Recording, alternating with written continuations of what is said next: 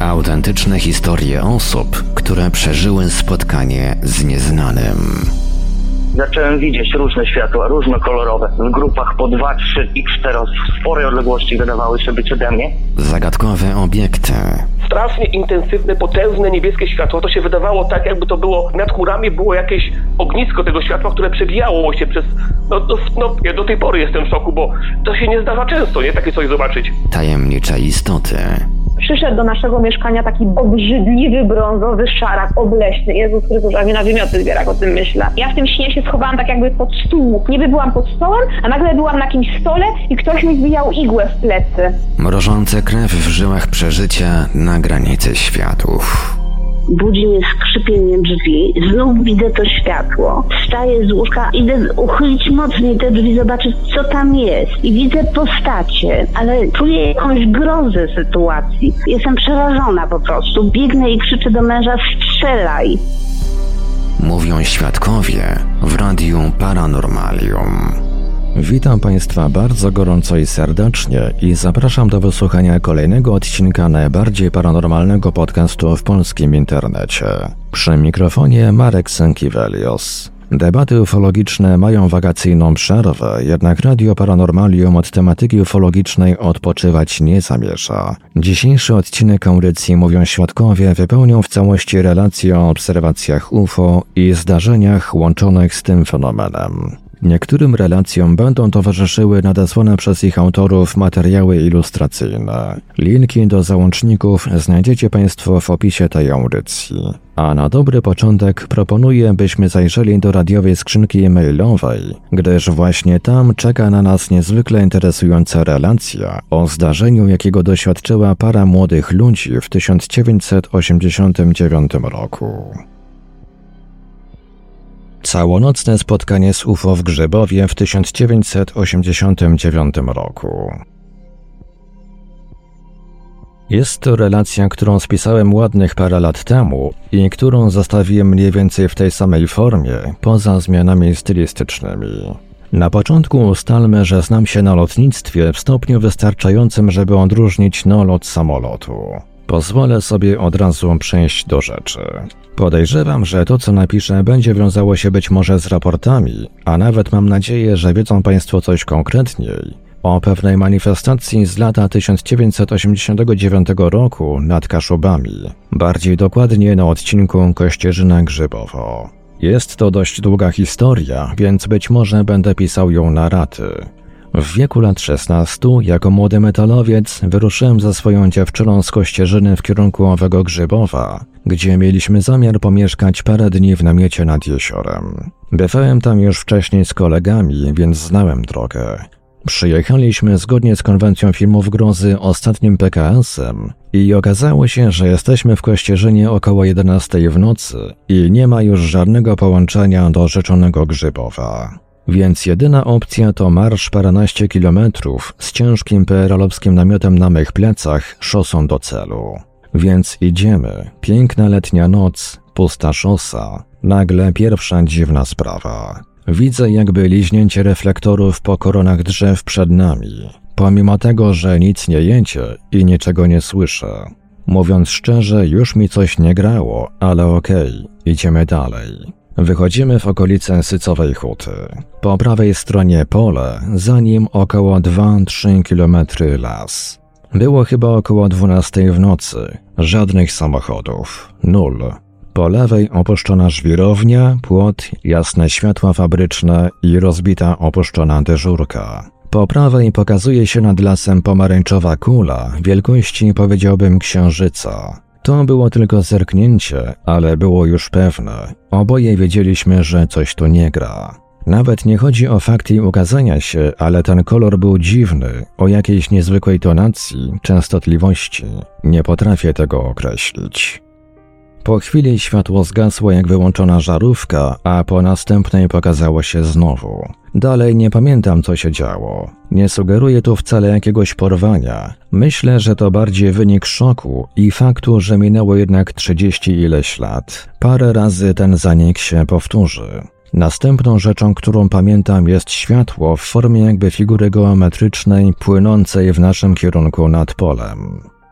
Poruszało się bez żadnego dźwięku. Wyglądało trochę jak połączone ze sobą dziwaczne rurki neonowe. Nie jestem pewien, jak blisko to coś zbliżyło się do nas. Pamiętam tylko, że cofnąłem się pod tą bramę z dziewczyną i byłem dość mocno przerażony. Mam wrażenie, że to coś było parę metrów od nas, po drugiej stronie drogi. Następne co pamiętam to to, że idziemy dalej. Droga wznosiła się z zakrętem, a po prawej było jakieś jezioro. Nad tym jeziorem zobaczyłem latającą kulę koloru pomarańczowego. Widziałem jej odbicie w wodzie. Nie pamiętam jak zniknęła, czy też może my poszliśmy dalej. Droga biegła potem względnie prosto przez parę kilometrów. Straciliśmy to coś z oczu. W każdym razie manifestowało się to zawsze po prawej stronie. Teraz rzecz ciekawa. Jak szliśmy tą drogą, to na niskiej wysokości przeleciał nad nami MiG. Nawet chyba więcej niż jeden. Myślę, że był lub były to MiG-21. Pamiętam, że widziałem wyraźnie dysze wylotowe. Dwa, trzy kilometry drogi minęły spokojnie. Kiedy mieliśmy zejść do Grzybowa, tu droga odbijała w bok i wioska była poniżej poziomu szosy. Po prawej stronie pokazała się znowu ta kula wielkości księżyca. Potem, schodząc, straciliśmy ją z oczu. Było tam dosłownie tylko parę domów i piaszczysta droga, którą mieliśmy iść dalej. Na samym końcu wioski koło drogi rosło drzewo. Nagle za nim pokazało się bardzo ostre światło koloru białego. Podobne natężenie i jasność, jakich używają na nocnym planie filmowym, które zaczęło się zbliżać, było w powietrzu za koroną drzewa. Nie było widać nic oprócz tego narastającego ostrego białego światła, przebijającego się przez koronę drzewa. W żadnym domu nie zapaliło się światło, wieś była jak wymarła. Ja sam miałem już kamień w ręce, gotów rzucić go w jakąś szybę tylko po to, żeby kogoś obudzić. Potem światło nagle zniknęło. Minęło dużo czasu, zanim odważyliśmy się wyjść z wioski. Powoli niebo na wschodzie robiło się jaśniejsze. W końcu dotarliśmy do jeziora docelowego. Chyba było to jezioro Schodno. Kiedy zeszliśmy na dół do jeziora, nad wysypką nad cyplem, po prawej stronie zobaczyliśmy znowu unoszącą się kulę, oczywiście koloru pomarańczowego, która wypuściła z siebie niebiesko-czerwone światła, jakby sądy. Nie pamiętam, czy do niej powróciły. Nie pamiętam też, jak zniknęła. Następne, co pamiętam, to kulę, która okazała się naprzeciwko nas, po drugiej stronie jeziora, w odległości jednego do dwóch kilometrów. Był to już ranek. Kula zaczęła jakby drgać i rozmieniła się na mniejsze kule, które utworzyły owalną formację i zaczęły lecieć w naszym kierunku nad wodą. Kiedy ostatnio porównywałem relację z dziewczyną, twierdziła, że na jeziorze jacyś goście uciekali łodzią przed tymi kulami. Nie pamiętam do którego momentu kule dotarły, Pamiętam tylko, że ta formacja leciała w naszym kierunku dwa razy. Wymieniając korespondencję ze słuchaczem, dopytałem, czy dziewczyna widziała dokładnie to samo. Odpowiedź. Jakiś czas temu z nią rozmawiałem, widziała to samo. A propos tego dziwnego kształtu płynącego w naszym kierunku, to co narysowałem to tylko takie mgliste wspomnienie. Byłem tak zaszokowany dziwacznością tego kształtu, że z jakiegoś powodu umysł tego nie utrwalił jako odbitkę. Być może nadmiar bodźców. Co ciekawe, zapamiętałem jeszcze jedną rzecz, bardziej myśl, kompletnie irracjonalną. Kiedy przeleciały nad nami migi, byłem strasznie rozżalony, że tak sobie przeleciały, być może nie zauważyły tego obiektu i nie bronią nas przed inwazją z kosmosu. Kompletnie nie powiązałem faktu, że ich pojawienie się jest powiązane z tym obiektem. Z drugiej strony nie zawróciły, nie krążyły, tylko przeleciały. Z trzeciej był to ten moment, kiedy straciliśmy to zjawisko z oczu i zobaczyliśmy je dużo później przy zejściu z szosy do wsi. Więc być może w tym momencie po prostu było niewidoczne. Chociaż stawiam na to, że było za drzewami, które na tym odcinku zasłaniały widoczność. Co ciekawe, gdy piszę te słowa, słucham właśnie debaty ufologicznej, najdziwniejsze teorie o UFO. Naprawdę fajnie jest słyszeć ludzi podobnie zastanawiających się nad rzeczywistością w tym morzu oszołomów. Moja odpowiedź. Być może nie zarejestrował pan takich czy innych szczegółów, a może zarejestrował, tylko te wspomnienia są jakby zablokowane z innego powodu. Pewne elementy tej obserwacji mogły wykraczać poza pana zakres postrzegania, do tego stopnia, że umysł nie wiedział z czym skojarzyć obserwowane zjawisko. Istniejący w naszej świadomości element zwany interpretatorem nie był w stanie przywołać z pamięci żadnego skojarzenia. Często się tak może dziać u osób obserwujących lub doświadczających czegoś z pogranicza. Interpretator dostaje jakieś bodźce czy inne informacje, których nie rozumie, a dokładniej nie znajduje w pamięci czegoś, co byłoby do nich podobne, co skutkuje powstaniem przykład luki w pamięci czy doznania szoku przez świadka. Myślę, że teraz jest świetna pora na szybkie przypomnienie kontaktów do Radia Paranormalium dla tych z Państwa, którzy chcieliby podzielić się swoją historią o spotkaniu z nieznanym. Następnie przejdziemy do prezentacji wybranych relacji zarejestrowanych drogą telefoniczną. Tych z Państwa, którzy przeżyli coś nietypowego i chcieliby nam o tym opowiedzieć, zapraszamy do kontaktu. Nasze numery telefonów to stacjonarny 32 746 0008, 32 746 0008, komórkowy 530 620 493, 530 620 493, skype radio.paranormalium.pl radio.paranormalium.pl Numer gadu gadu 3608 8002 3608 8002 Czekamy także na Państwa e-maile pod adresem radiomałpa-paranormalium.pl radiomałpa-paranormalium.pl Gdyby przy naszych telefonach nikt nie dyżurował, prosimy o nagranie wiadomości głosowej bądź wysłanie SMS-a. Bardzo prosimy o sprecyzowanie, w jakiej sprawie chcą się Państwo z nami skontaktować. Słuchaczy dzwoniących z numerów zastrzeżonych lub z zagranicy prosimy ponadto o podanie numeru, na który mamy oddzwonić. Wszystkim świadkom gwarantujemy pełną anonimowość. W razie wykorzystania zapisu rozmowy w którejś z audycji istnieje możliwość zmiany barwy głosu. Przechodzimy zatem do zarejestrowanych drogą telefoniczną rozmów ze świadkami obserwacji UFO. Na początek wysłuchamy rozmowy ze słuchaczem, którego niektórzy z Państwa mogą pamiętać. Jest to były wojskowy, który podzielił się z Radiem Paranormalium kilkoma dość spektakularnymi obserwacjami w odcinku 46 podcastu Mówią Świadkowie. Osoby mające za sobą przeszkolenie wojskowe, a w szczególności długoletnią pracę w wojsku, charakteryzują się pewną cechą szczególnie przydatną przy obserwowaniu i rejestrowaniu dziwnych obiektów poruszających się po niebie. Jest to mianowicie zdolność do rejestrowania i zapamiętywania dużej ilości szczegółów w krótkim czasie. I taką dość obfitującą w szczegóły relację z krótkiej obserwacji za chwilę usłyszymy. Rok temu nad Wolsztynem szybko przeleciała eskadra trzech osobliwych obiektów, które utworzyły formację trójkąta. Jeżeli mogę panu trochę czasu zająć w związku z tą relacją, to jakbym mógł pana prosić o e, w miarę dokładne opisanie okoliczności tej, tej obserwacji. Obserwacja była bardzo krótka. Było to dokładnie w zeszłym roku, dwa dni przed y, świętami Bożego Ciała. Szykowałem samochód do wyjazdu na, na, na parę dni, na ten dłuższy weekend, taki czterodniowy. Akurat żeśmy się z żoną wybierali na wyjazd. No i tak wie pan, spakowałem samochód. Jeszcze tak chwilę sobie na podwórzu przed domem usiadłem, żeby się zastanowić, co po prostu jeszcze tam zapakować, przyszykować. I w pewnym momencie, aha, jeszcze powiem, że, że zdarzenie miało miejsce y, gdzieś koło godziny 18.15, 18.20.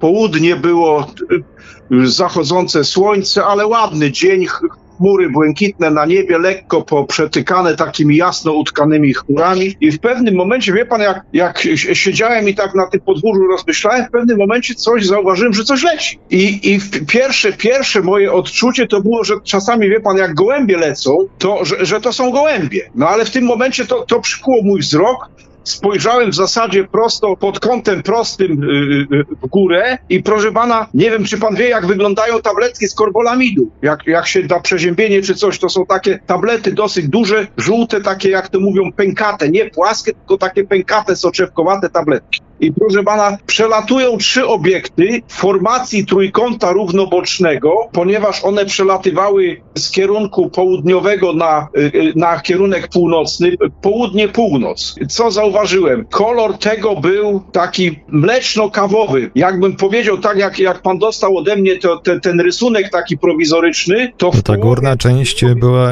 ta, ta górna część była taka jakby bardziej mleczna, a ta dolna kawowa, tak? Więc ca całość, całość to było tak, one kawowo-mleczny był kolor tego. Górna część, górna część była jaśniejsza, a dół był taki beż, lekka kawa, wie pan, z mlekiem, taka, y, y, no powiedzmy, przyrównałbym do takiej kawy z mlekiem. O. I w połowie tego, wie pan, tak jakby, tak jak ja narysowałem, może to tak troszeczkę nieudolnie na tym szkicu, wychodziła jak gdyby te, w, po, w połowie tego obiektu taka fala, że to nie było że prosto oddzielone, że góra mleczna, jasna, dół ciemniejszy, tylko tak jak gdyby taka fala była na tym na boku. I kształt właśnie charakterystyczny tego był taka wypukła soczewka, dosłownie jak tabletka, ale nie wie pan, nie taka płaska, tylko taka, jak to mówią, wypukła była ta tableta, nie? Ja to nazwałem, mówię nawet do syna, mówię, ja wie, chłopie, przeleciały trzy tablety dosłownie, wie pan. W formacji trójkąta równobocznego, jeden z przodu, dwa z tyłu ale to było, nie było to rozstrzelone, tylko to było zwarte po prostu. Ja, ja, wie pan, jak spojrzałem, to tak później zaraz oceniłem wysokość tego wszystkiego. No więc to mogło lecieć na wysokości między 800 a 1200 metrów na tej wysokości. I przeleciało, wie pan, powiem tak, to była bardzo kró krótka obserwacja. Ja liczę, że między 4 a 5 sekund. Ładna pogoda była, nie było to y, zachmurzone niebo, niebo było rozjaśnione, błękitne, lekko poprzytykane takimi jasnymi chmurami, ale było przejrzyste, wie pan. I, I to się schowało się po prostu, przeleciało, bo mówię, ja przy domu siedziałem na fotelu, jeszcze tam sobie coś tam przemyśliwałem, co tam y, y, mam, mam ze sobą uszykować więcej i dosłownie takie zdarzenie było. To było gdzieś, no może pół roku później, jak ja panu te wcześniejsze informacje wysłałem, tam te wcześniejsze zdarzenia. Nie chciałem wtedy, jak mówią, zawracać panu głowy, bo sobie pan mógł pomyśleć, że chłop sobie zmyśla albo coś tam, jak to mówią, widuje. Natomiast, no powiem tak, no byłem, byłem wtedy też zaskoczony z tym, że już to, już na mnie to takiego, wie pan, wrażenia nie wywarło, jak za tym, za pierwszym razem, kiedy to widziałem, wtedy przelot tych obiektów nad jednostką w Rawiczu. Ja później nawet czytałem później opisy tam różnych obserwujących tą pana stronę, no i któryś tam z, z, z obserwatorów powiedział, że dobrze by było zrobić szkic. Ja żałuję, że wtedy nie zrobiłem tego szkicu, jak to wszystko wyglądało. No ale dzisiaj to już nie ma co do tego wracać, to już było minęło. Natomiast ta rzecz, którą w tej chwili panu opisuję, to miała miejsce dosłownie 14 15 czerwiec zeszłego roku, dosłownie dwa dni przed, przed Bożym Ciałem, bo Boże Ciało wypadało bodajże 16 czerwca, jakoś tak i wtedy żeśmy się wybierali, taki dłuższy wyjazd, wie pan. Rozumiem, że ten szkic pan wykonał e, dosyć szybko po tej obserwacji. Tak, wie pan, ja to, ja to w pracy wczoraj, jak byłem, to mówię, no, przy okazji to panu wyślę, że, że dosłownie w takiej, wie pan, zwartej, zwartej formacji i powiem tak, no przyjmuję, że ta wysokość mniej więcej była między 800 a do, do 1200 metrów. Nie było to wysoko, ale roz, oceniając tą odległość i rozpiętość tych, yy, tych obiektów, które przeleciałem, no to przypuszczam, że one leciały w trójkącie gdzieś 50 na 50 metrów, nie? Tak można przyjąć, że rozpiętość tego trójkąta to była tak jakby, jakby pan trójkąt równoboczny o bokach 50 na 50, przypuszczam, tak? Tak mi się to wydawało, no ale, ale mogę się mylić, wie pan, bo to jest, no nie było jakiegoś wielkiego punktu odniesienia czy coś, to wszystko było, y, no, no na oko szacowane. A czy te obiekty emitowały jakieś dźwięki? Nie, nie, nie, nie, nie. nie. Natomiast y, zauważyłem właśnie, no, że, że były barwy takiej mleczno-kawowej, mleczno-kawowej i w połowie, czyli w średnicy największej średnicy to po prostu była taka fala, y, jakby nie było równego odcięcia, tylko falą to się wszystko, y, taka fala z boku była, przechodziła przez każdy obiekt, tym bardziej, że słońce padało na to, bo to północny zachód, słońce zachodzi, także no mówię, no nie wiem jaka w tej chwili jest upala pogoda, ale u nas jest dosłownie no, identyczna pogoda jak była wtedy. Ładna pogoda, dosyć przyjemnie było i tak to wtedy też wyglądało. Bez, bezgłośnie, wie pan, bez tego, one bardzo się, bo ja to mówię, ja siedziałem przy domu na, na foteliku turystycznym, wie pan, i tak mówię, no jeszcze tam patrzyłem, mówię, co tam jeszcze do tego auta wsadzić. I w pewnym momencie mówię, zdaję sobie sprawę, że widzę, że coś, coś nadlatuje. I, I pierwsze wrażenie moje było takie, że być może, że, że to gołębie czasami ktoś wypuści gołębie czy coś, to lecą tak tam kluczu, jakimś trójce czy coś. No, no chyba nie na takiej wysokości, nie? No nie, no nie, no więc właśnie i, i mówię, to, to miało wyraźnie, wie pan, dosłownie soczewko, takie soczewkowate, dosłownie soczewy po prostu, trzy soczewy, tak jak tam panu na tym szkicu narysowałem, wie pan, to, to tak to wyglądało, nie? I barwy to było mleczno-kawowej. No, góra była jaśniejsza, dół był ciemniejszy, natomiast żadnych świateł, nic nie było, nic nie było. No i to przeleciało, wie pan, dosłownie tak jak pan policzył, jeden, dwa, trzy, cztery i już tego nie było. No w przypadku gołębi, gdyby to były gołębie bądź jakieś inne ptaki, to byłoby chyba widać, no, skrzydła tutaj, jakby całkiem takie gładkie obiekty, prawda? One były jakieś metaliczne? Wie pan co, to, to, to było, miało, miało raczej kolor taki matowy. Nie było żadnego połysku, to miało matowy taki kolor. Tylko tyle, że mówię, różniły się, góra, dół różniło się odcieniem. Natomiast to miało raczej, raczej w mat wpadało. To nie było żadne połyskliwe. Miało matowy kolor, nie było żadnych świateł na tym, nic, tak jak czasami ludzie mówią, że gdzieś tam po bokach, czy, czy wokół średnicy tego największego boku, że tak powiem, średnicy to są jakieś tam światło. Nie było nic takiego, tylko po prostu trzy soczewkowate w równo, ale dosłownie, wie pan, tak jakby pan wzorcowy, wzorcowy trójkąt wziął. Ja się aż dziwiłem, że, że w takiej formacji, wie pan, nie jakiś rozstrzelony, czy jakiś tam trójkąta prostokątnego, po prostu to był trójkąt równoboczny. Naprawdę taki, no, geometryczny wzór, geometryczny wzór. No i mówię, rozpiętość tego między tymi obiektami mogła być, ja wiem, no, około 50 metrów. Rozumiem, że według pana wiedzy pan jest jedynym świadkiem tego zdarzenia, tak? Tak, tak, tak. no niestety w, te, w tej sytuacji to nikt ani syn, ani mama tego nie widziały, także tutaj no niestety byłem sam, także żadnych innych tutaj świadków w tej kwestii nie było. No ale dobrze, że pan zrobił ten szkic jeszcze w momencie, jak to wspomnienie o tej obserwacji było takie dosyć świeże, tak? Nie pamiętam, czy pan już wspominał o tym, ale czy ta eskadra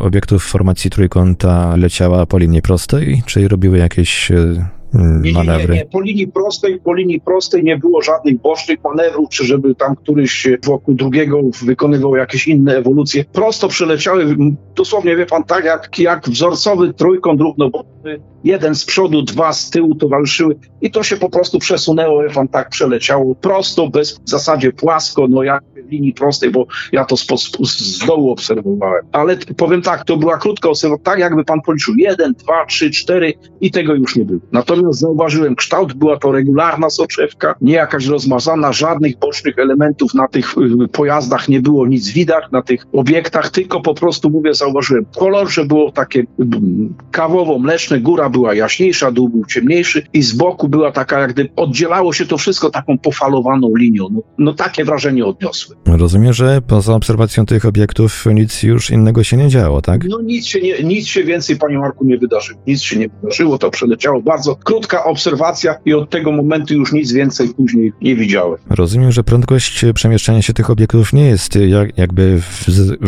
w zasięgu możliwości technicznych e, samolotów wojskowych na przykład. Wie pan co, nie, to nie było bardzo szybko. Na pewno to było e, szybciej jak te, te obiekty, które przelatywały w Rawiczu. Szybciej to było, ale, bo tamte mówię, z prędkością gdzieś 30-40 km, tak wie pan, tak przeleciały, jak to mówią, swobodnie, a te leciały dosyć szybko. Te leciały dosyć szybko z, z, południa, kierunek typowo północny, bo tu wielokrotnie marzy, mierzyłem kompasem, gdzie, gdzie wskazuje, wie pan, jak mam budynek sytuowany na działce, tak, tak, to, tak to przemieszczało się bez żadnego dźwięku, bez żadnych świateł, natomiast dosyć szybko to bo to zaraz mi, wie pan, nie, nie było nawet możliwości, żeby, żeby zaobserwować i przyjrzeć się temu, jak to się oddala. Jak to, jak to się oddala. Ja mówię, pierwsze wrażenie moje było, że to gołębie lecą. Dopiero później, jak spojrzałem, wie pan, no człowiek tam co jakiś czas zwraca uwagę na to otoczenie. No i mówię, w tym momencie widziałem regularny kształt soczewek, trzech soczewek, które przeleciały.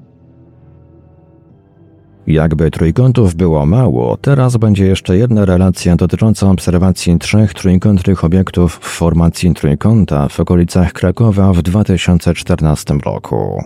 Zdaniem słuchacza nie mogły to być samoloty. A więc co? Posłuchajmy nagranej rozmowy. Pan zgłosił chyba dwie obserwacje, z tego co pamiętam. Może. Dwie obserwacje, yy, przy czym. No dobra, to yy, akurat wczoraj słuchałem y, taki archiwalny odcinek z 2018 roku. Tam między innymi była tam mowa o różnych kwadratach, trójkątach na niebie i tak dalej. No i to mnie, że tak powiem, zainspirowało, żeby tam do Państwa dwa słowa napisać. To jest ta relacja, powiedzmy, późniejsza moja relacja, bo ta, ta pierwsza, to za chwilę do niej wrócimy, ale, ale to był dzień taki, powiedzmy, letni, gdzieś prawdopodobnie to był wrzesień, może e, początek października. Wieczorem ja mieszkałem wtedy w Krakowie na dziewiątym piętrze, zresztą mieszkałem tam e, ponad 40 lat w tym bloku. To był, jeżeli dobrze, jeżeli dobrze pamiętam, rok 2013 lub 2014, tak? Tak, tak. To był 2014 rok. Jeśli chodzi o niebo tej części Krakowa, gdzie mieszkałem na Krowodrzy Górce, tak to się nazywa, no niebo było takie powiedzmy lekko zachmurzone, nie było idealnej pogody, ale co ciekawe, patrząc w kierunku słońca, były przejaśnienia, delikatne przejaśnienia, ale w większości były chmury. Ja mieszkam w takim miejscu Krakowa, gdzie też jest tak zwany tunel powietrzny dla samolotów, które lądują w kierunku, kierunku Balic, więc nade mną bardzo często i wojskowe samoloty przylatywały nad moim blokiem i pasażerskie, no i przelatują do dzisiejszego dnia na tej trasie. Ja będąc y, na balkonie, y, oparty patrząc w kierunku y, na boisko z dziewiątego piętra, patrząc w kierunku na zachód, nagle zauważyłem, właśnie tak jakbym popatrzył w kierunku zachodzącego słońca, zauważyłem trzy lecące trójkąty. Trójkąty równoramienne. Trójkąty poruszały się z prędkością nie, no troszkę większą niż samoloty, które normalnie latały. Jeśli chodzi o wysokość, były na podobnym pułapie, może ciutkę wyżej. Co było charakterystyczne to, że one leciały całkowicie bezgłośnie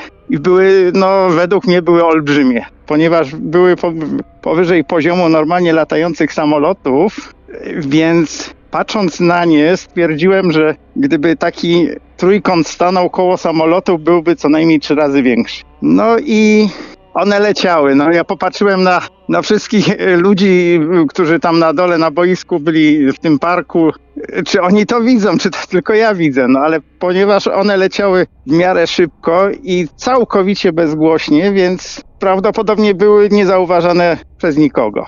E, potem oczywiście zawołałem rodzinę, ale to już było za późno, bo tam syn był w domu. E, chyba jeszcze była żona, już nie pamiętam. W każdym razie, no, żonę to takie rzeczy raczej nie interesowały i raczej nie, nie poddałaby by to, e, na pewno poddałaby to wątpliwości, to co jej tutaj mówię i tak dalej, ale nie udało mi się nikogo znaleźć, kto by coś takiego zaobserwował. Na drugi dzień pamiętam, że napisałem do Gazety Wyborczej i chyba jeszcze do jakiegoś obserwatorium. Gdzieś tam znalazłem w internecie adres mailowy. No i opisałem to zjawisko, ale niestety no nie dostałem żadnej informacji, więc stwierdziłem, że potraktowali mnie powiedzmy mało przychylnie, czy tam na tej zasadzie jakbym kogoś wypuszczał. A może to była po prostu tylko normalna akcja wojskowa, może to były samoloty tego typu chyba F-11 czy coś takiego, y, które latają bez radarów, bezgłośnie, ale z drugiej strony widziałem taki samolot y, gdzieś y, w gazecie czy w internecie i muszę powiedzieć, że to nie był ten kształt. To był kształt czegoś no, w rodzaju zbyt idealny, prawda? bryły. Taki zbyt idealny, prawda? Tak, tak. Od, coś takiego. Tak jakby po prostu ktoś wyciął kawałek betonu czy, czy, czy, czy czegoś takiego, idealnie to wygładził i na pewno nie było tutaj żadnego miejsca na miejsce dla pilota, czy jakieś światełka, czy jakieś, no nie wiem, okienka. No nie, nie, nie, to była to sam trójkąt w powietrzu po prostu. I to były trzy trójkąty, które były w idealnej odległości od siebie, leciały z idealną prędkością, tą samą, tak jakby tworzyły taki jakiś bojowy szyk, no, coś takiego. Ja tutaj za bardzo się nie znam na technice wojskowej, ale z tego co się orientuję, to te trójkątne samoloty nie są takie tak do, do końca trójkątne, prawda? Bo one mają takie jakby wycięcie z tyłu, tak? Tak, tak, tak, tak. No właśnie to mnie przekonało w tym, że, że albo no, technologia tego, poszła tego, jeszcze tego dalej i o czymś nie tak? wiemy. No, no. Także, także być może technologia poszła jeszcze dalej i nie wiemy o, o niektórych samolotach, które się pojawiły. No ja to y, z czasem przypisałem temu, że to jednak były samoloty wojskowe. Poza tym leciały idealnie w kierunku y, właśnie na lotnisko w Balicach. Ja mam w odległości, odległość do Balic w linii prostej ode mnie z bloku, tam przynajmniej wtedy, tam gdzie mieszkałem na Krowodrzy, no to już mówię, to by było jakieś 10 kilometrów linii prostej. No to no, niedaleko. Więc one teoretycznie mogły podchodzić do lądowania, te pojazdy. No ale były trzy razy większe. W każdym razie, że to tak ujmę, sprawa jest otwarta. Pan już chyba tutaj wszystko powiedział, co się da powiedzieć e, na temat tego zdarzenia, bo nie rozmawiał pan jakoś tam z sąsiadami czy coś może wiedzieli? To znaczy, ja patrzyłem wtedy od razu, czy ktoś stoi na balkonie. Okazało się, że byłem jedyną osobą, bo, bo, bo chciałem znaleźć kogoś, kto potwierdzi moją relację. Wtedy pamiętam, że, że byłem tak z, y, po prostu całą tą sytuacją podniecony, nabuzowany, że, że po prostu chciałem to jak najwięcej osobom przekazać, a równocześnie znaleźć kogoś, kto potwierdzi moją wersję. No ale ponieważ nikogo takiego nie znalazłem, więc już później nie drążyłem tematu. No. Jak Państwo słyszeliście na początku, mój rozmówca przekazał dwie relacje. Co do drugiego ze zdarzeń, słuchacz nawiązał do odcinka podcastu Infrafakty z 13 stycznia 2013 roku, ponieważ jego zdaniem mógł on obserwować dokładnie ten sam obiekt. Posłuchajmy zatem najpierw fragmentu tamtego wydania Infrafaktów, w którym sprawę zaprezentowali Michał Kuśnierz i Piotr Cielebiaś. Powiedzmy też o drugim przypadku. On dotyczy wprawdzie początku e, zeszłego roku, ale jest bardzo interesujący. Pochodzi z e, Wrocławia. Żeśmy tę sprawę udostępnili panu Damianowi Treli, który z nami współpracuje. I na podstawie relacji świadka, spotkania ze świadkiem wizji lokalnej, pan e, Damian opublikował u nas artykuł pod tytułem Dziwna kula nad Wrocławiem. E, ja może króciutko zacytuję tylko fragment tej pierwszej relacji, jaka do nas e, napłynęła. E, chodzi o zdarzenie z 25 lutego 2012 roku, godzina około 21. Widziałem we Wrocławiu z okna swojego mieszkania kulę ognia wielkości, jak szacuję, około 1 trzeciej do 1 czwartej tarczy księżyca, która nadleciała od strony lotniska w kierunku zachodnio-południowo-zachodniego. No właśnie, ale ta relacja też pociągnęła za sobą, publikacja tej relacji pociągnęła za sobą y, też kolejne doniesienia i nawet zdjęcia. No właśnie, ale powiedzmy, dlaczego się tak bardzo zainteresowaliśmy obserwacją latającej kuli ognia? My już przez e, kilka lat przynajmniej stykamy się z tak zwanymi lampionami i to one zwykle odpowiadają za obserwację tych kul ognia, natomiast w tym przypadku było inaczej. E, a dlaczego? Otóż pan S., e, który w lutym tamtego roku informował nas o tym zdarzeniu, twierdził, że ten obiekt był dość dobrze widoczny, i oprócz tego posiadał na swojej powierzchni tak jakby mm, czerwono-żółte plamy. Trudno określić, czym mógł być. Natomiast jego drugim takim wyróżniającym elementem był e, tak jakby ogon. I pan, e, pan S tutaj mm, e, starał się nawet dowiedzieć w różnych instytucjach naukowych, co to mogło być, bo przypuszczał, że to było jakieś zjawisko astronomiczne, jakiś tam mały meteor. Natomiast nikt nie, nie był w stanie mu, mu powiedzieć, co to było. No, mm, on sam twierdził, że był to ogon, taki króciutki lub taki, mm, taki ślad z tyłu, który wyglądał jak krótkie, e, takie po, po, poszarpane włosy. E, pan Damian Trela mm, spotkał się ze świadkiem całkiem niedawno, ustalił parę rzeczy. No niestety nie udało się odpowiedzieć na, na główne pytanie dotyczące tej sprawy, czyli czym był ów obiekt. E, rzeczywiście jest to bardzo, bardzo interesujące. Ciekawe też, czy ten obiekt widziany był przez kogoś więcej niż tylko pana S. Prowadzący infrafakty wspomnieli o artykule odnoszącym się do tego zdarzenia. Link do publikacji znajdziecie Państwo w opisie niniejszej audycji. Obrazki niestety nie działają, ale to co najważniejsze, czyli tekst, jest cały czas dostępny. Można zatem oddać się lekturze. A tak swoją obserwację opisał mój rozmówca z Krakowa.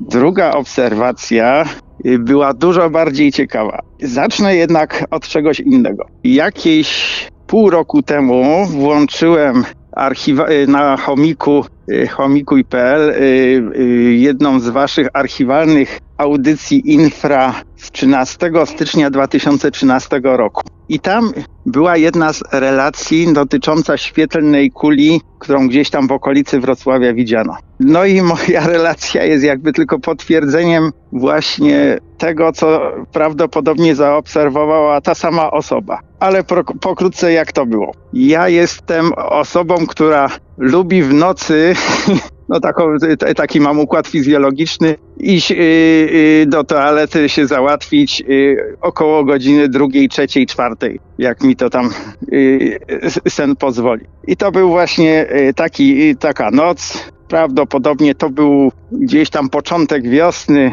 luty albo marzec 2012 roku prawdopodobnie. Wstałem z, y, z, łóżka, a ponieważ moje łóżko jakby przylegało do tego samego, y, do okna od strony zachodu, y, pierwszym, pierwsze co, co, co zrobiłem, popatrzyłem w kierunku okna i zobaczyłem coś niesamowitego. Od strony zachodu w kierunku wschodu leciała rozżarzona kula. Rozżarzona pomarańczowo-żółta, paląca się z ogonem kula. No, byłem po prostu w szoku. W pierwszej chwili, zanim mówiłem, przykleiłem się do okna.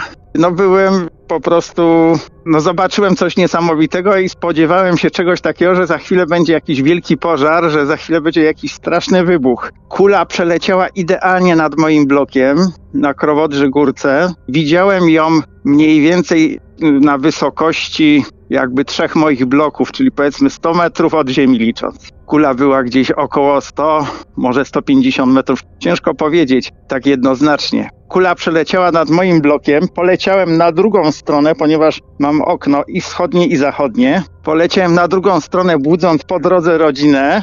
Byli zaskoczeni tym, co ja robię. No w momencie, kiedy oni podeszli do okna, ta żarząca się kula była już w dobrej odległości od wschodniego okna, bo leciała z dosyć dużą prędkością, zdecydowanie większą prędkością niż latają samoloty, no mniej więcej trzy, trzykrotnie, czterokrotnie szybciej. Co mogę jeszcze powiedzieć? No było to chyba zjawisko, które widział również ten człowiek z Wrocławia.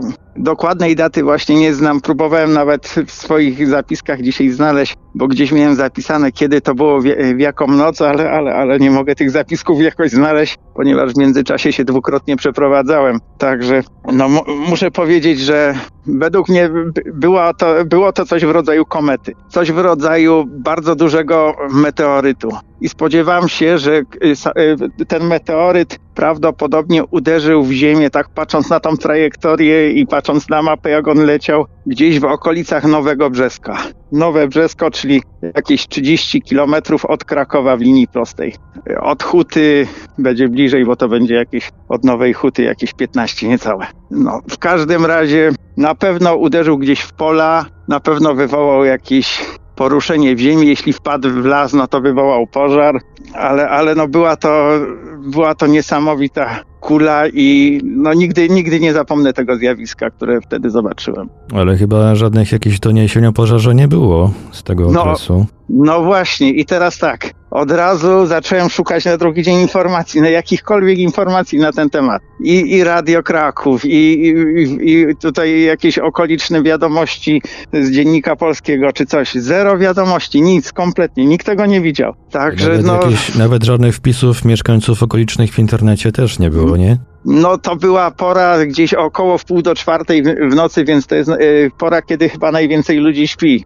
Więc y, no poza tym, że, że tam moja żona widziała końcówkę jakby ogona tej komety, to tak naprawdę to żadnych innych świadków nie miałem. No, no było, było to dla mnie niesamowite przeżycie, bo, bo była to olbrzymia, olbrzymia kometa, bo to nie było coś takiego, jak y, patrzymy na niebo i widzimy jakieś spadające gwiazdki, czy coś takiego odbijające się od części tam jonosfery czy stratosfery, już nie pamiętam. W każdym razie to, to była prawdziwie rozżarzona, płonąca kula z ogonem. No jeżeli to był meteoryt, no to całkiem możliwe, że się po drodze rozpadł i to, to walnięcie nie było takie znowu słyszalne mocno. A no to może, no to też, też jest możliwe, tak. Ale nie zmieni to faktu, że to musiał być rzeczywiście dosyć duży obiekt. No, bardzo duży. Bardzo duży i leciał bardzo nisko, jak na, jak na po prostu, no tak jak mówię, 150 metrów gdzieś od ziemi. To było bardzo, bardzo blisko y, i leciał dosyć poziomym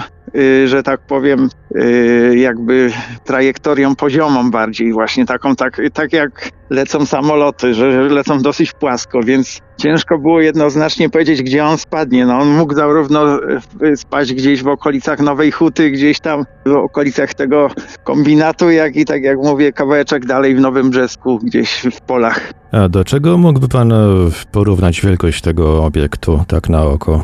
Dużego samolotu, takiego naprawdę dużego wojskowego, transportowego samolotu. Albo czegoś, na, nie, ja myślę, że nawet większego coś. Wielkości dwóch, dwóch dużych samolotów, no. Dlatego byłem w szoku, że nie było żadnych doniesień na drugi dzień, no bo to była tak, tak wielka kula, że, że ona, no tak jak pan y, y, wspomniał, być może ona gdzieś po drodze się rozpadła, gdzieś o, opadły odłamki jej, czy tam rozbiła się na 10 elementów i gdzieś, tym bardziej, że, że za Nową Hutą tak naprawdę to są pola, jest, płynie Wisła, teoretycznie mogłaby nawet i do Wisły wpaść, nikt by tego nie zauważył, no. Ale tej wielkości kula, jak, jak wielkości dwóch samolotów, no ja nie bardzo wierzę, że, że to gdzieś nie, nie odbiło się, nie spadło i nikt o tym nie wiedział, no jak dla mnie to, to była wtedy olbrzymia ta kula. No.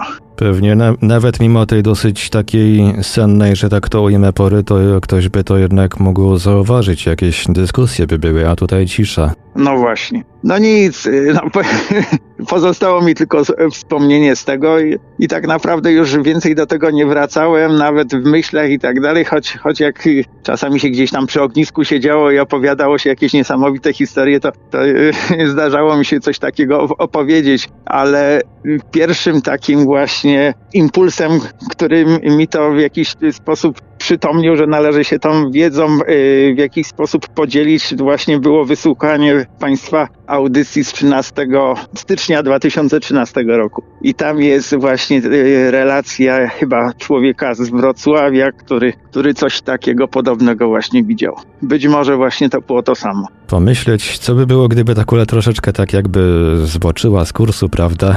Mogłoby być nieciekawie. No, nie, nie, ona zdecydowanie leciała, że tak powiem, prostolinijnie. Tutaj, tutaj nie było raczej żadnych, więc y, jakby y, to, że ona leciała z okolic Wrocławia w kierunku Krakowa i dalej na wschód, no to, no to, to by się jakby zgadzało. No nie jestem w stanie potwierdzić tej daty, ale, ale prawdopodobnie to było to samo. I to tyle, jeśli chodzi o relacje przekazane przez naszego słuchacza z Krakowa. Wszystkich świadków tych i podobnych zdarzeń gorąco zachęcam do kontaktu z Radiem Paranormalium i przekazania swojej relacji. Można również wysyłać relacje do prowadzonej przez nas bazy relacji o obserwacjach UFO pod adresem www.uforelacje.pl a my usłyszymy się ponownie już za chwilę po krótkim przerywniku. Może dla kogoś z Państwa będzie to idealny moment, aby spojrzeć na chwilę w niebo. Nieograniczona przestrzeń do nieskrępowanej dyskusji na tematy paranormalne, ezoteryczne i nie tylko. Forum Radia Paranormalium. Dołącz do nas na forum.paranormalium.pl.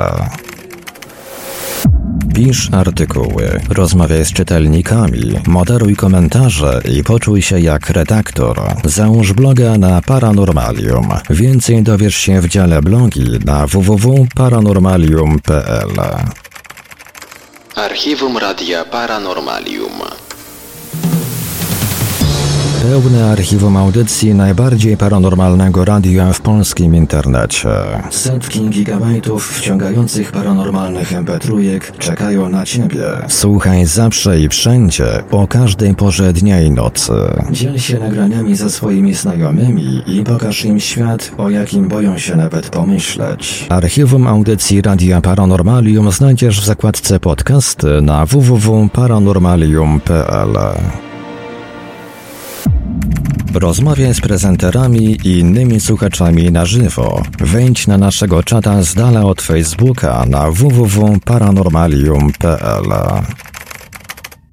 UFO Relacje, polska baza relacji o obserwacjach UFO www.uforelacje.pl. Podziel się już dziś swoją obserwacją. Czekamy na relacje współczesne oraz z lat ubiegłych. Wszystkim świadkom zapewniamy pełną anonimowość. UFO Relacje, polska baza relacji o obserwacjach UFO www.uforelacje.pl. Autentyczne historie osób, które przeżyły spotkanie z nieznanym. Zagadkowe obiekty, tajemnicze istoty, mrożące krew w żyłach przeżycia na granicy światów. Mówią świadkowie w Radiu Paranormalium. W ostatniej części dzisiejszej audycji poznamy opisy kilku zdarzeń, które Radio Paranormalium przekazał słuchacz z Wrocławia. Zaczniemy od grupowej obserwacji UFO, dokonanej przez całą jego rodzinę najprawdopodobniej w okolicach 1975 roku. Moja historia jest, powiem szczerze, może nie aż tak interesująca, jak to, co słucham, bo słucham Państwa audycji od wielu lat, mm, właściwie kibicuję radiu. Natomiast to było coś takiego, miało to miejsce w połowie lat 70. Myślę, że to był gdzieś 75, szósty rok we Wrocławiu. Wtedy tam chodziłem do podstawówki.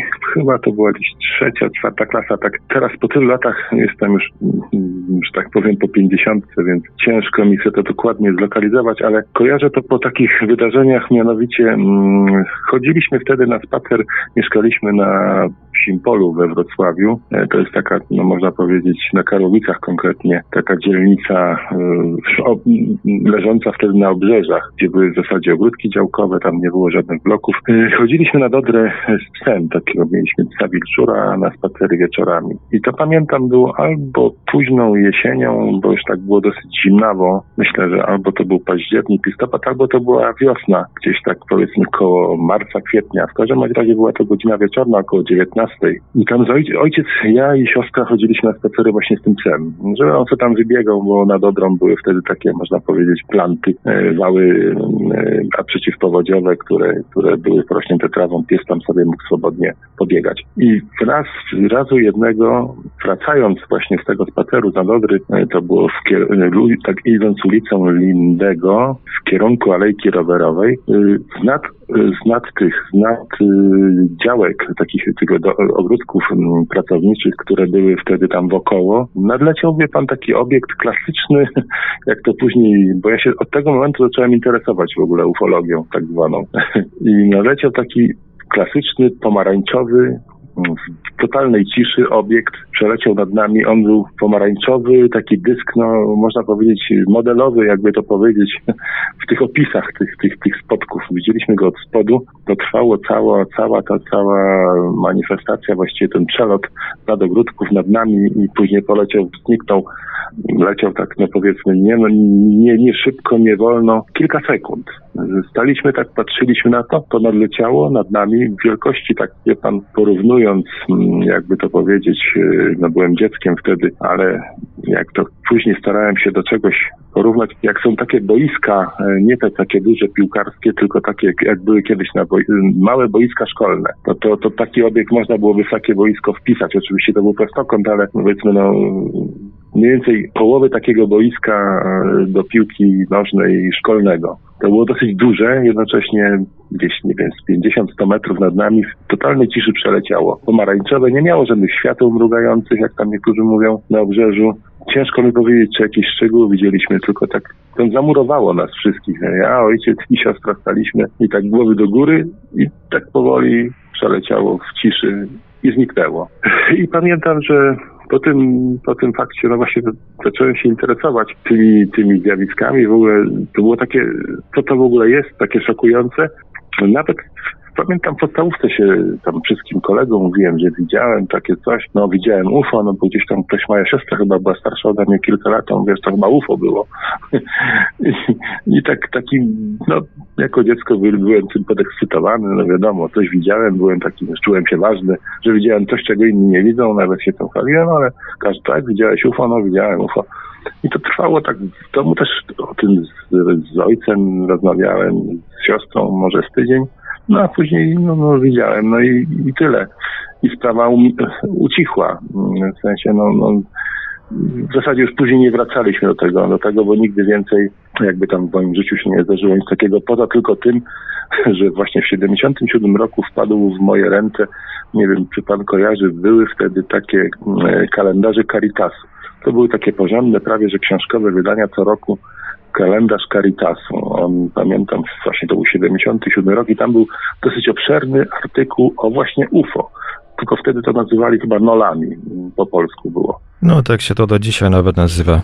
No właśnie i, i tak mówię, przeczytałem od deski do deski, tam było 5-6 stron tego artykułu, tylko nie pamiętam, czy to był jakiś przedruk z jakiejś amerykańskiej prasy. No w każdym razie i tak było, że to się okazuje, że to nie tylko takie dyski, że niektórzy widzą cygara, czy jakieś kule inne rzeczy. No i tak właściwie to jest cała taka, taka historia, jeśli chodzi o wtedy tamten okres. Nie miałem niestety żadnych jakichś takich później spotkań, czy tam, mimo że od tego momentu pamiętam zawsze, jak miałem możliwość, obserwowałem bacznie niebo. Pan wspominał o psie. Czy pies jakoś zareagował na pojawienie się tego obiektu? Przykuło to w ogóle jego uwagę, czy olał temat, kolokwialnie mówiąc? Właśnie, krótko mówiąc, nie za bardzo pamiętam, ale chyba raczej ani nie wył, ani nie skomlał. On nie zareagował. Nic to myśmy to widzieli. Myśmy tak, w ogóle to było taka, to było krótkie, to było kilka sekund, to tak przeleciało, no ciężko powiedzieć jaką prędkością, ale jakby pan samochód, jakby tak samochód jechał pod takim czymś, no to musiał pojechać 60, 60, 70 km na godzinę. Tylko, że to było w ciszy, to było takie, takie, nasunęło się, przeleciało i takie majestatyczne to było, pamiętam, duże. Natomiast pies nie, pies ani nie był, ani nie kulił się, ani nie skomlał, on po prostu stał przy nodze, bo on był taki dosyć karny. Myśmy się zatrzymali, to pies się zatrzymał przy nodze ojca i być może to widział nie pamiętam, bo myśmy mieli głowy zadarte, ale tak reakcji w stanie nie, nie pamiętam. No Na pewno nie takim, był głośny. Mhm, takim dosyć e, tutaj zwracającym uwagę szczegółem jest ta cisza właśnie, e, ten cichy przelot bo to powinno, teoretycznie powinno jakiś dźwięk wydawać, gdyby to był jakiś e, ziemski wynalazek, powiedzmy, nasz. Gdyby to był helikopter, czy gdyby to był jakiś aparat taki na zawsze zapędzany silnikiem, to bez wątpienia. No ja akurat byłem już później jako student świadkiem lądowania, czy tam startu helikoptera z bliskiej odległości. No to, to jest grzmot i huk po prostu niesamowity. To, to tak y, po uszach daje, że, że to jest no, monumentalny dźwięk. Natomiast to nie, to, to właśnie to było takie zaskoczenie, że coś takiego płynie na niebie i, i cisza. I po prostu, i to się lekko wirowało. To, to, ten, ten ruch był taki, pamiętam, on przeleciał, ale on minimalnie się obracał. Nie tak szybko, tylko jakby no, nie wiem, kilka stopni na, na sekundę. To był taki delikatny ruch powoli obrotowy i, i tak się prze, przemieszczał no, no, 50 metrów nad nami, może 100 metrów. Ciężko mi to powiedzieć, bo nie mam, nie jestem pilotem, nie mam takiego doświadczenia, żebym potrafił coś lokalizować, tak, tak mi się wydaje wtedy, zresztą no, to było tak dawno. A czy byli może jacyś inni świadkowie tego zdarzenia, czy, czy tylko y, wytroje? Znaczy, myśmy byli właśnie we troje. Najgorsze jest to, że już mój ojciec nie żyje, moja siostra umarła 5 lat temu i no niestety nie, nikt tego nie potwierdził i byliśmy wtedy sami. Na tej ulicy, bo wtedy w latach 70. jakoś tak ludzie nie chodzili na spacery. Pamiętam, że rzadko kogo można było spotkać już jak się tak lekko zmierzchało, to w zasadzie na, na, na, no wtedy na, w tych okolicach, gdzie mieszkaliśmy, to nie było ludzi. Światła się świeciły, ludzie siedzieli w domach, zaskotowani, więc ani to, na ulicy nie było raczej nikogo. Wtedy kto by mógł to z nami potwierdzić, do, do kogo moglibyśmy podejść, powiedzieć, czy, czy pan to widział? Nie, byłem tylko ja, ojciec i siostra. Obydwoje już nie żyją, no ja zostałem tak, mówię, ach, powiem to, bo to też jest coś takiego w zasadzie, co pewnie nie jest to jakieś wielkie spotkanie, nikt mnie tam nie wziął, no, ale no było, miało to miejsce. Do dzisiaj to pamiętam po prostu, a raczej się nie pamięta takich błahych rzeczy. No, było to dla mnie takie dosyć, no, jakby to powiedzieć, może nie zszokowane, ale mocno mnie to zainteresowało jako, jako takiego młodego człowieka. No, byłem w drugiej albo trzeciej klasie podstawówki zobaczyłem coś, czego, czego nie potrafiłem sobie racjonalnie wytłumaczyć. Rozumiem, że jakieś rozmowy potem e, były po tej obserwacji. Czy, czy wspomnienia wasze jakby się pokrywały w 100%, czy, czy były jakieś różnice w sposobie, w jaki opisywaliście ten obiekt? Nie, właśnie wszyscy, wszyscy, ja, siostra i ojciec, żeśmy tak więcej mówili, z tym, że nie było to dużo rozmów. To może kilka tych rozmów było po tym, że no, widzieliśmy coś, mamie się pochwaliliśmy, a mama tam a, machnęła ręką. To były czasy, że tam raczej się o tym nie mówiło. No to tematyka jakby się rodziła dopiero u nas w Polsce, tak? Tak, i to pamiętam, że z domu to kilka razy żeśmy się do tego odnieśli, znaczy, no, mówiliśmy o tym, ale to tak, że pamiętasz, pamiętasz, widzieliśmy, tak, tak, to pewnie UFO, to moja siostra nam właśnie mówi, to, to pewnie UFO, bo ona była bardziej, ona była 7 lat ode mnie starsza, więc ona już była wtedy, nie wiem, w liceum bodajże, tak, na początku, więc miała jakieś tam wie, szersze kontakty z ludźmi bardziej światłymi, ja to byłem gówniarz, byłem taki dzieciak, można powiedzieć. I, bardziej ja to w szkole, w podstawówce się faliłem, pamiętam, taki, czułem się taki ważny, że o, słuchajcie, widziałem UFO, widziałem takiego, widziałem latający talerz, jakoś tak to nazywałem wtedy. Tak, no jak, no, no, no przeleciał tutaj nad, nad ulicą Lindego, jak byłem na spacerze z swoim ojcem, no to też tak, to dzieci, ale to dzieci krótko swoją uwagę koncentrują na jakimś zdarzeniu, a później chodźcie, pobawimy się, czy tam pogramy w piłkę i to było tak, no może w tydzień tym wydarzeniem się chwaliłem, a później jakoś, no to tak ucichło. I co ciekawe, ja jeszcze jak siostra żyła kilka lat temu, do tego nawiązałem. Na Wigilii spotykaliśmy się, to gdzieś było, nie wiem, 8, 9, 10 lat temu i pytałem ją, czy ona o to pamięta. No że już chyba raczej tego nie pamięta. Ja to zapamiętałem, no ojca już nie było wtedy też 10 lat, ale moja siostra tak chyba wyparła to z pamięci. Jakoś nie za bardzo była w stanie sobie to przypomnieć. Teraz ja pamiętam. No nie dałbym sobie rękę uciąć, że to miało miejsce, chociaż no być może to mi się tylko wydawało, w sensie być może wszyscy, wszystkim nam coś się tylko wydawało, bo tak, takie teorie też słyszałem, że mogą to być jakieś projekcje w naszych głowach. Niekoniecznie fizycznie ten obiekt nad nami przeleciał, ale, no, ale ja to tak odebrałem, tak widziałem, no i tak właśnie jak mówię, to, to panu y, to relacjonuję. No, siostra mogła to uznać za taki, no, zdarzenie, bo zdarzenie się zdarzyło, bo się zdarzyło, no i tyle, taki mało, jak, mało jakby doniosły, mało jakby znaczący incydent, tak? Tak, no raczej tak. Zresztą moja siostra była taka bardzo racjonalna. Ona studiowała matematykę politechnikę i no i to tak być może jej ścisły umysł tutaj wypierał takie rzeczy, których nie był w stanie racjonalnie wytłumaczyć. Aczkolwiek no wtedy jeszcze jak to było na świeżo, no to, to, to nie wypierała tego, no to, to dopiero po latach wróciliśmy do tego tematu. I tak ja tak z ciekawości zapytałem, mówię, słuchaj, czy ty pamiętasz to, to, to zdarzenie? A mówisz tak, mm, nie za bardzo. Tak mnie to zdziwiło. Mówię, no jak? No przecież to miało miejsce. No ale tam ona mówi, no teraz nie, nie pamiętam, to, to była Wigilia, więc to takie było pytanie bardziej jakby tak rzuciłem, można powiedzieć, y, żeby coś było mówione, a potem już tematy zeszły na inne sprawy.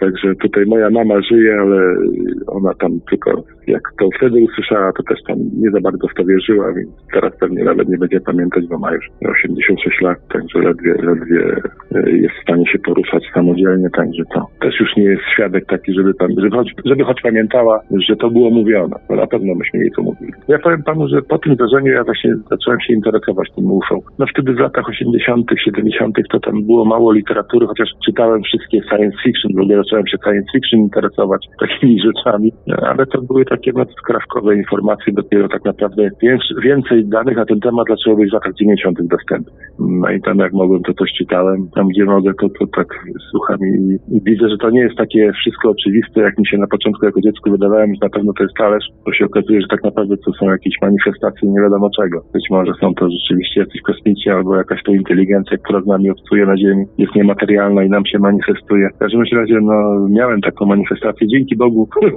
nic więcej mi się nie zdarzyło. Nikt mi nic nie szczepił, nikt mnie nie, nie brał.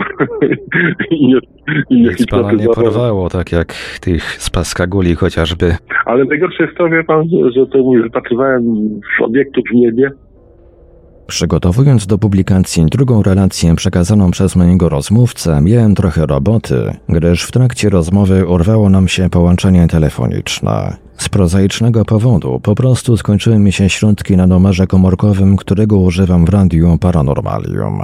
W tym miejscu podzielę się z Państwem trochę taką naszą radiową kuchnią. Otóż umawiając się z Państwem na rejestrację telefoniczną opisywanych przez Was zdarzeń, stosuję zasadę, że w umówionym terminie to radio dzwoni do słuchacza, nie odwrotnie. Uważam, że w dobrym tonie jest zorganizować taką rozmowę w taki sposób, aby rozmówca nie musiał ponosić kosztów, które mogłyby powstać przy okazji podzielenia się swoją historią. Zresztą już samo dzielenie się jakimiś trudno wytłumaczalnymi zdarzeniami często stanowi akt dużej odwagi, gdyż to, co Państwo słyszycie w takich audycjach, jak mówią świadkowie, To niejednokrotnie są zdarzenia, którymi osoby ich doświadczające po prostu boją się dzielić z innymi ludźmi i skrywają je w swojej pamięci przez wiele, wiele lat. Mając to na uwadze, chyba zgodzicie się ze mną, że stworzenie sytuacji, gdzie takiemu rozmówcy kwota na rachunku za telefon znacząco by wzrosła, byłoby bardzo nieeleganckie.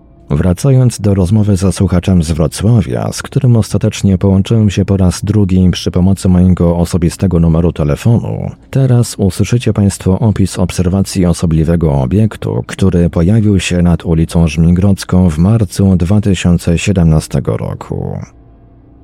Natomiast co ciekawe, kilka lat temu, i to chyba w okresie, to jeszcze przed tą całą pandemią, przed tym całym zamieszaniem, to gdzieś było 2017 albo 2018 rok, jadąc po południu, tak właściwie około godzin 17-18 we Wrocławiu, mm, taką brzydką pogodę, tam akurat miałem list do lekarza, jechałem.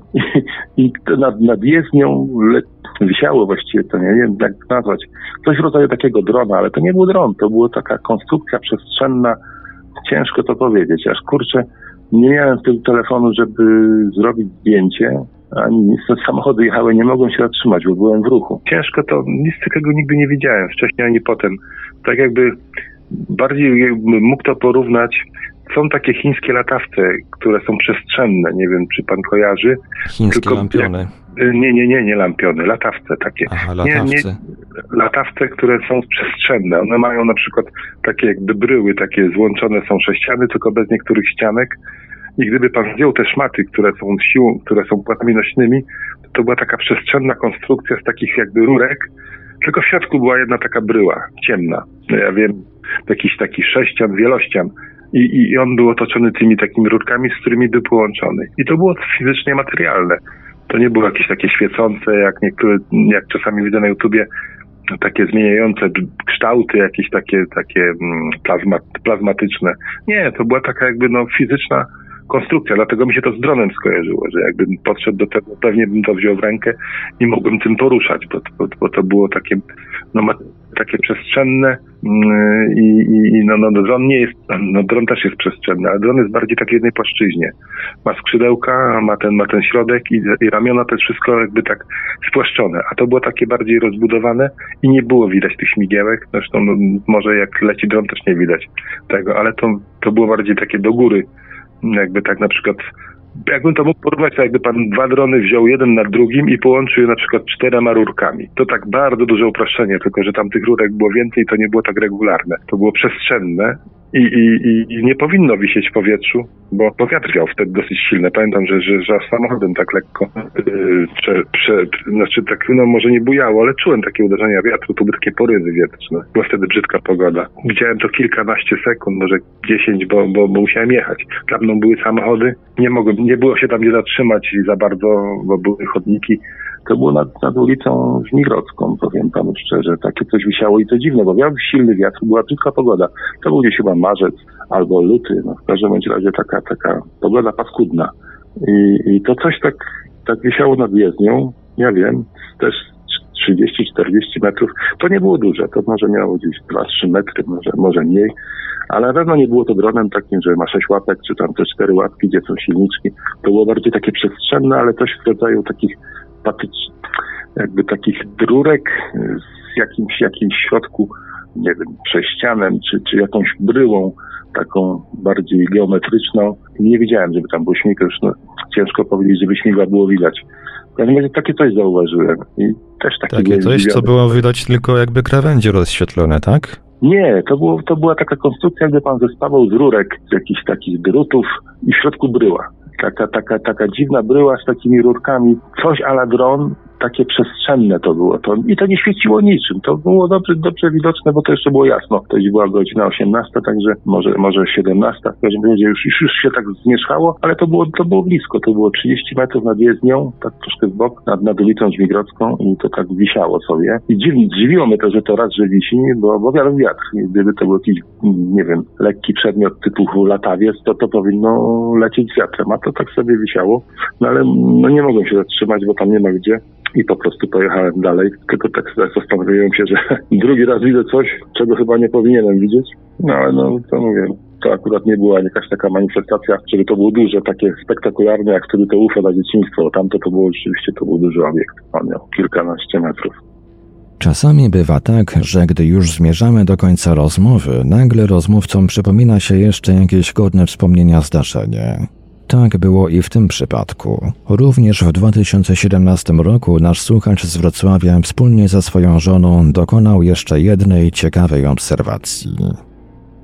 A nie, przepraszam, jeszcze raz kiedyś coś widziałem ciekawego, takiego na niebie też, też było kilka lat temu w lecie. Taki punkt, taka kula świetlna leciała na wysokości bardzo wysoko, gdzie jakby to leciał samolot, to by, to by leciał dosłownie, no może nie wiem, centymetr na 10 sekund, a to przeleciało tak dosyć szybko. To musiało naprawdę zasuwać, bo na tych wysokościach to, to już musi być prędkość, nie wiem, nie wiem jaka, być może ponad rakietowa, ale to była taka kula świetlna. Ja jeszcze do żony mówię, ej, zobacz, zobacz, mówię, leci, kurczę, mówię, na tej wysokości to samoloty to prawie że stoją. To one się bardzo powoli poruszają, bo to było tam het, het wysoko. A to tak przeleciało no, w miarę szybko i to było takie świecące w dzień. Też nie pamiętam już kiedy to było, ale 6-7 lat temu i to było gdzieś koło godziny, ja wiem, 13, 14, 15. To, byliśmy z żoną w domu i tak z balkonu. Ja mówię, chodź, chodź, chodź, zobacz. Takie mówię, dziwne. To musi być jakieś, to nie może być statek yy, nasz samolot. To było daleko. To, to ciężko powiedzieć, co to było. Może to był jakiś, może to była jakaś ta stacja kosmiczna, akurat widoczna, to ta nasza, nie pamiętam, orbitalna chyba się nazywa, USS, czy jak się nazywa. ISS. ISS właśnie może to było to, albo jakiś satelita, bo to świeciło takim jasnym światełkiem. To było takie światełko, no jak powiedzmy wielkości może jakiejś gwiazdy polarnej jak w nocy, tylko to było w dzień. I to było jasne. To, to, to, to był ten taki biały, jasne światło i to się poruszało na tej wysokości moim zdaniem za szybko jak na samolot. Bo jak samoloty widzę na tej wysokości nawet odrzutowce wojskowe, to one się powoli poruszają. To tak można powiedzieć, że prawie, że pełzną po tym niebie. A to było tak na 5, 6, może 7 razy szybciej, więc jak mówię, jak na taką wysokość stratosferyczną prawie, to kurczę, to tam, no, no, to nie wiem jaka ta prędkość musiała być, ale no kilkanaście albo kilka razy większa niż samolotu odrzutowego, tak myślę. Ale to też przeleciało i to widzieliśmy z minutę, dwie może, nie pamiętam.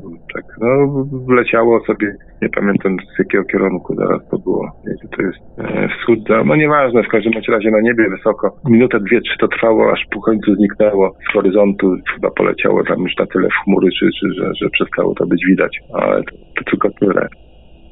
I to już wszystkie relacje przekazane przez tego słuchacza. Dajcie znać w komentarzach, co sądzicie o opisanych przez niego zdarzeniach, a jeśli macie jakieś swoje relacje o spotkaniach z nieznanym, gorąco zachęcam do kontaktu. Jakoś tak się porobiło, że w ostatnim czasie poszczególne odcinki tej audycji kończę garścią uwag.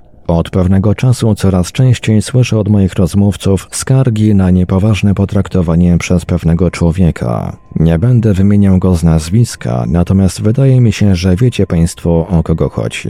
Nadmienię jedynie, iż jest to człowiek bardzo medialny.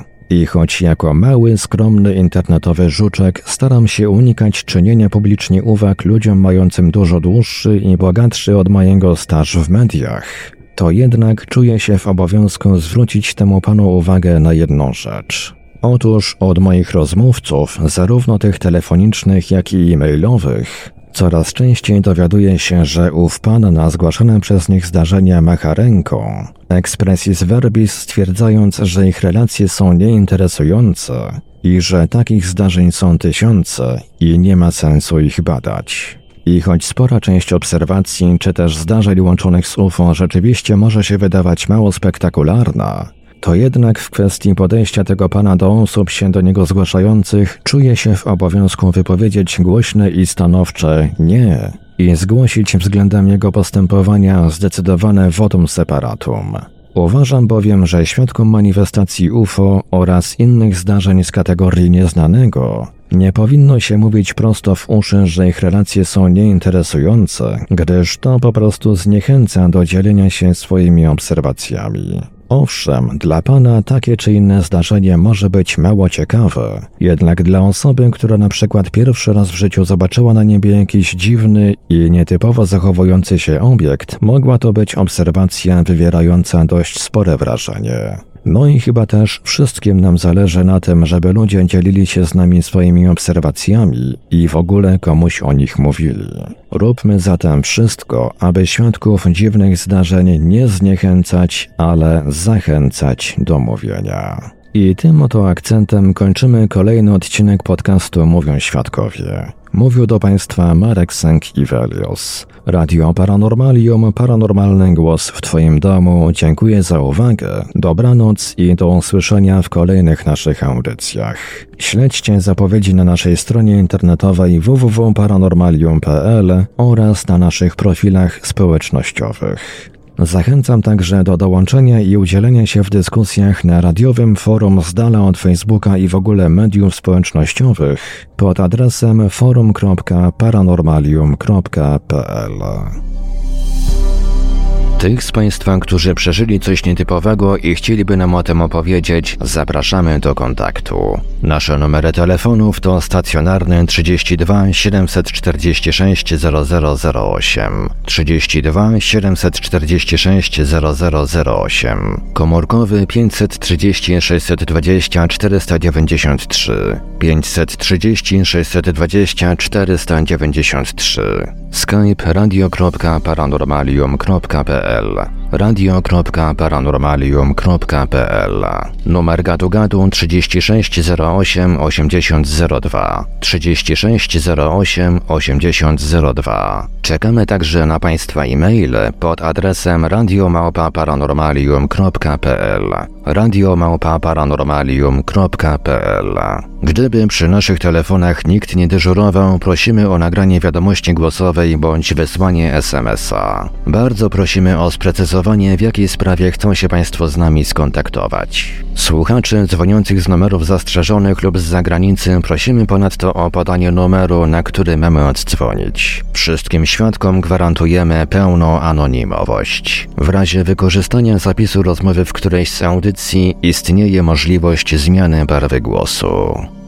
UFO Relacje, polska baza relacji o obserwacjach UFO www.uforelacje.pl. Podziel się już dziś swoją obserwacją. Czekamy na relacje współczesne oraz z lat ubiegłych. Wszystkim świadkom zapewniamy pełną anonimowość. UFO Relacje, polska baza relacji o obserwacjach UFO www.uforelacje.pl.